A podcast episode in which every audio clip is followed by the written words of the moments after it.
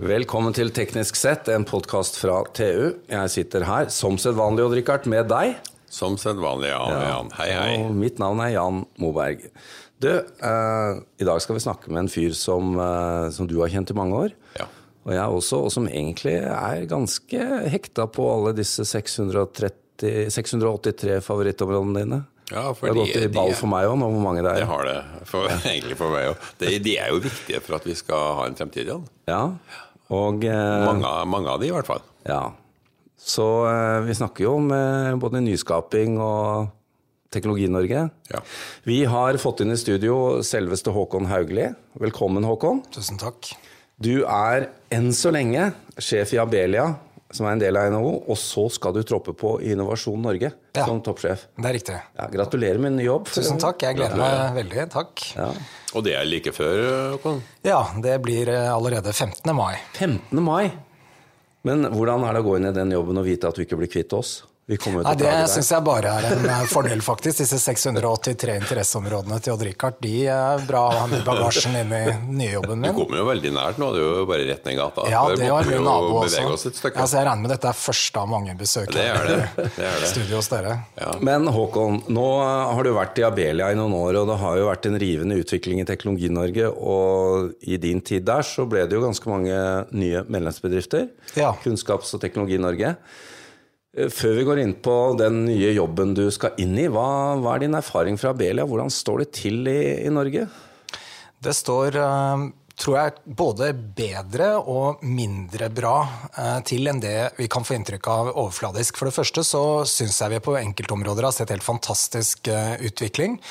Um, sterke, nye, hvis vi kan kalle det det, næringer og etablerte teknologinæringer som gjør det veldig bra. Altså, norsk romnæring har en betydelig andel av verdens eh, romnæring. Norsk helsenæring er betydelig, veldig mye er kunnskapsbasert. Norsk leverandørnæring til olje og gass. Vi undervurderer oss Altså, selv på ja, enkelte områder. Og det er mitt poeng. Det, det er der jeg mener vi undervurderer oss selv, og vi tror at norsk næringsstruktur er mye mindre kompleks enn det den faktisk er.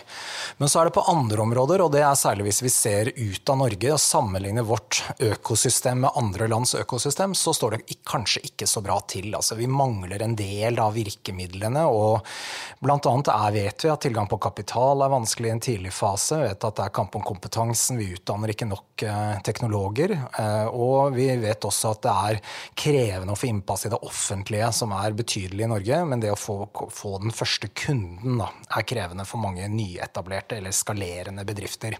Så det er sånn både og. Det er mitt hovedbilde. Jeg, men jeg er grunnleggende optimist. Jeg deler jo hva 683 interesseområder og blir veldig veldig lett begeistret når jeg møter nye bedrifter som driver med morsomme ting. Eh, og jeg tror dette kommer sikkert tilbake fra hva slags barn jeg var da jeg hadde to foreldre i Televerket. og min favoritt, Mitt favorittleketøy det var sånne utrangerte telefoner fra Televerket som jeg plukka fra hverandre med Sånn med dreieskive? Ja, virkelig. altså Sånn med skive. Sånne svarte Det var faktisk svarte, mange av dem også. Så gamle var de. De var til og med laga i Norge. Ja, mange, det var jo faktisk det. Og noen av dem hadde ambisjoner om å sette sammen igjen. Det gikk mindre bra. Ja, ja. Men du, for, for, for å begynne på bånn uh, utdanning. Ja. Jeg har jo vært bekymra i veldig mange år over at vi utdanner for få teknologer. Vi, altså, det er, det er, vi har veldig stor valgfrihet i Norge når det gjelder utdannelse. Er det, burde vi stramme inn litt, sånn som en del andre land har gjort? Og pekt på at dette er det vi trenger i fremtida? Altså jeg tror i hvert fall vi må gjøre, og der har hele teknologinæringen ned, da er jo flere, en jobb med å gjøre å få vise fram hva er det man faktisk driver med. Det blir for mye bokstavforkortelser og for lite nytte da, i kommunikasjonen rundt hva teknologi faktisk er. Og dermed også lite begeistring, tror jeg, hos unge mennesker. Man ser bare teknologien og ikke hva den kan skape av endring og nytte og, og god livskvalitet. Så, så jeg tror i hvert fall man begynner med det. Og så er det nok kanskje også noe med at utdanningsinstitusjonene har veldig stor frihet, og det er lett å videreføre noe man allerede har, istedenfor å bygge opp noe nytt. Men det vi vet, er at søkningen til teknologifag går opp. Eh, Behovene i næringslivet og arbeidslivet ellers er der, men antall studieplasser har ikke økt eh, like mye. Og det er et tankekors. Etterspørsel fra begge sider, men det går for langsomt med opptrapping. ja endring er vanskelig for alle. Ja, Det kan av og til gjøre litt vondt òg. Ja. Ehm, Det andre dimensjonen her er jo litt sånn norsk genetikk. Eller om ikke det er genetikk, så er det i hvert fall tradisjon. om at vi har noen bransjer som går godt, så vi trenger ikke innovere så mye. I hvor stor grad opplever du det? At, vi, at, vi, at det er for lite krise? Altså det, Innovasjonen stopper opp fordi vi ikke må? Altså jeg opplevde det egentlig har skjedd noe nå siden oljeprisfallet for noen år siden. At det er en veldig mye større forståelse for at vi trenger flere bein eh, å stå på. Ja. Og det, det har virkelig vært et uh, taktskifte i det. Men det er klart, hvis du tenker på hva er det studenter velger, så er det jo det trygge. Men en annen viktig og vanskelig diskusjon er jo balansen mellom det offentlige og, og næringslivet. Altså hvor stor offentlig sektor skal vi ha, hvor mange oppgaver skal løses der, hva kan næringslivet næringslivet bidrar med. Så det er jo krevende, store diskusjoner som står foran oss.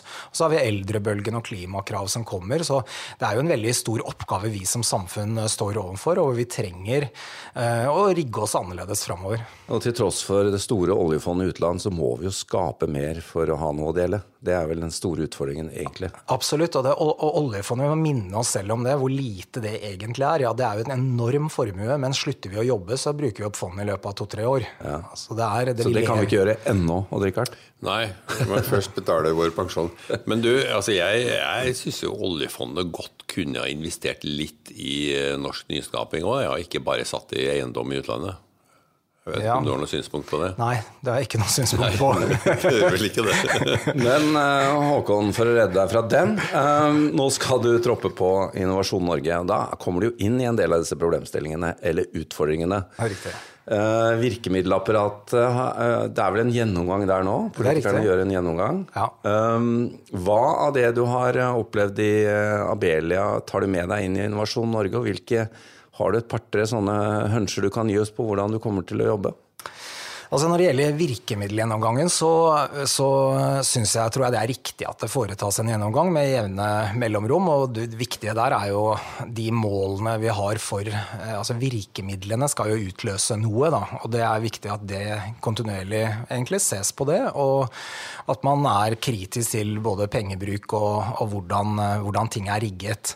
Eh, det jeg tar med meg inn i den jobben, tror jeg hovedsakelig, er jo at jeg tror jeg forstår norsk næringsliv eh, ganske godt. Og jeg har, eh, har, eh, noen ambisjoner om at Innovasjon Norge skal fortsatt være en veldig viktig aktør og en motor da, i det økosystemet som vi vil trenge framover. Um, og bidra til at vi er mest mulig orientert utover mot det, det, næringslivet som vi, da bruker jeg vi om Innovasjon Norge, ja. skal betjene og utvikle. Og det er viktig. Men som du nevnte, det har jo vært en veldig stor sånn upsurge av uh, gründere. Vi har fått mye morsomme bedrifter de siste åra, siste ti åra kanskje, spesielt. Men de møter jo denne såkalte dødens dal når de skal skalere opp. Og det er jo et, et tema som begynner å bli ganske prekært i Norge nå. Det er ikke kapital for å gå fra liten til stor. Nei, dette tror jeg er kjerneutfordringen vår nå ja. framover. Jeg, tror jeg er helt enig i beskrivelsen av Eh, entreprenørskapet det er blitt bedre. Det er altså målbart bedre sammenlignet ja. med andre land. Vi har større oppstartsaktivitet, men vi eh, er dårligere på å skalere. Og Det er også en annen utfordring der, at mange av de virksomhetene som faktisk vokser, de får nye eiere eh, raskt.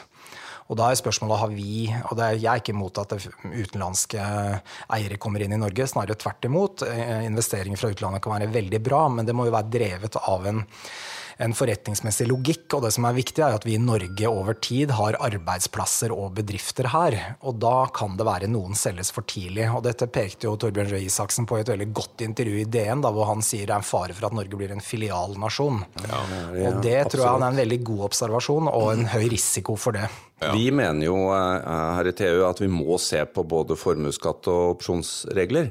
Fordi mange av disse oppstartsselskapene eh, blir jo solgt fordi eh, de blir verdt mye, men tjener ikke penger. Så de som eier dem, har ikke råd til å betale formuesskatten, så de må selge. De blir presset ut. Det andre er opsjonsreglene. Dette med at du må betale skatt på penger du ikke har tjent. Og alle land rundt oss har jo andre regler som gjør at de kan vokse mer. Og da går norske investorer, går, pengene går til eiendom da, stort sett, og dette er jo ikke bra. Så, men er det mulig å få løst denne floka? da? Skal, er Innovasjon Norge en, en, del av den løsningen, ser du? Altså De politiske beslutningene må jo ta seg andre enn Innovasjon Norge, men Abelia har også ment akkurat det samme om både insentiver for investeringer i tidlig fase og opsjonsbeskatning, at det er helt nødvendige grep eh, å gjøre.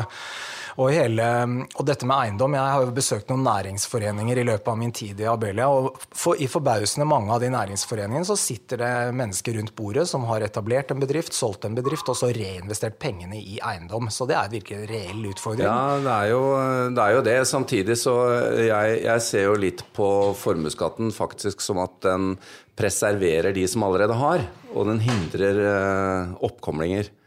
Eh, kan det i ytterste konsekvens vise seg. Da. Så det, dette er jo superspennende.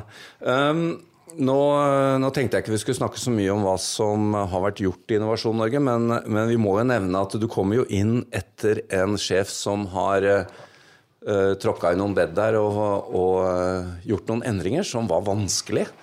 Uh, jeg ser jo ikke for meg at det er ferdig heller, så du kommer vel inn et sted hvor du må fornyes en del. Har du noen tanker om det? Altså jeg tror Innovasjon Norge også kommer til å måtte endre seg framover. Og det handler jo om å være, kontinuerlig være relevant for, for næringslivet bredt. Så det, det, er jeg helt enig i din beskrivelse. Ja, eh, Det blir jo spennende å se fremover da, hvor, hvordan man kan ta tak i, i dette problemet og øke gründerskapet i Norge. Og ikke minst eh, bære de over den kløfta. Ja, Men det må jo være et samarbeid med, med, mer enn Innovasjon Norge? Absolutt. Og så er det viktig å huske på at vårt etablerte næringsliv er også en del av dette. og Det å, å, å omstille eh, det, de store bedriftene i både bærekraftig retning eh, i andre retninger er også en del av et, ja, det er også det er innovasjon. De nye, det er så det er ikke bare oppstartsbedriftene, men også de etablerte.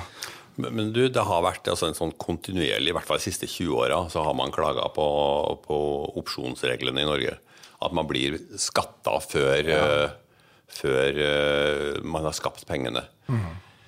Vi var akkurat innom det da du måtte hive klokka di ut, for den lagde så mye bråk.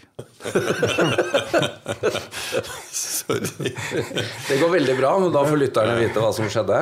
Ja, ja, ja. Richard har en sånn talende klokke som ikke vil gi seg, så Nei. når den lagde mye støy, så måtte vi bare få den ut døra. Ny teknologi, Håkon. Men, ja, det er veldig bra. Håkon, eh, har du selv noen yndlingsnæringer Eh, eller teknologier eller Altså Hvis du skal lage Odd Rikard har sine 683 favorittområder, hvorav det ene er den klokka som lager støy på, på venstrearmen. Har du noen?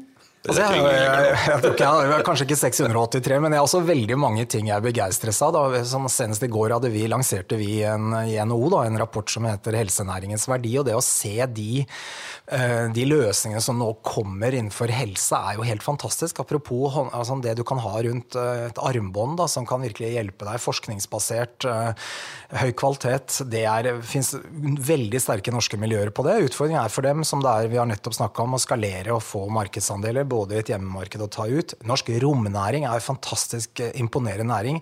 Det, Norge, det er underkommunisert. Underkommunisert microchips. Altså Norge er verdensledende på microchips. Vi har en Video Conference Valley utover, mm. vestover fra mm. byen her. Eh, og vi må ikke underslå hva vår leverandørnæring til olje- og gassnæringen representerer av fantastisk kompetanse. Og vi snakker om det grønne skiftet. Hvis den norske leverandørnæringen kan bidra til å gjøre en olje- og gassproduksjon i andre deler av verden mer miljøvennlig, er det helt strålende. Så vi har, vi har en, et enormt godt utgangspunkt, tenker jeg, og veldig mye av dette er jo resultat av kloke investeringer over tid. Og nå har jeg ikke begynt å snakke om hav. Norge er verdensledende på autonome um, ja. duppedingser, eh, roboter under vann, som selvlader og fyller og sveiser og gjør alt mulig. Men der har jo Innovasjon Norge til og med et uh, eget initiativ, og Expo i Dubai vil jo omhandle dette. Det er helt fantastisk. Ja. Ja, det, ja, hele havområdet med potensialet for energi og mat og det Norge kan der. Vi er virkelig en stormakt innenfor hav, og vi, eh, vi reduserer ofte i diskusjonen om dette, dette til et spørsmål om råvarer. Norske olje- og gasseventyret eller fiskeoppdrettseventyret for den saks skyld er ikke et rent råvareeventyr. Det er kunnskap og teknologi, arbeidsplasser og bedrifter. Mm. Håkon, vi vet du er en travel mann. Vi får uh, avslutte. Um, det Odd-Rikard og jeg ønsker oss, uh, det får du bare ta som et innspill. Vi skjønner at vi ikke får det over bordet her. Men Odd-Rikard og jeg vi er litt uvanlige. Vi er tilhengere av DAB. Ja, nettopp. Det er dere. Ja. Vi, vi, likte til og med at NSB bytta navn til Vy. Ja. ja. Vi tar part, det, da. Ja. Og det vi kunne ønske oss, er at uh, dere spriter opp Innovasjon Norge-logoen. Ja, jeg skal ta med meg godt innspill. takk for praten og lykke til. Vi kommer tilbake, vi, og plager deg. Jeg gleder meg til å komme tilbake. Tusen takk.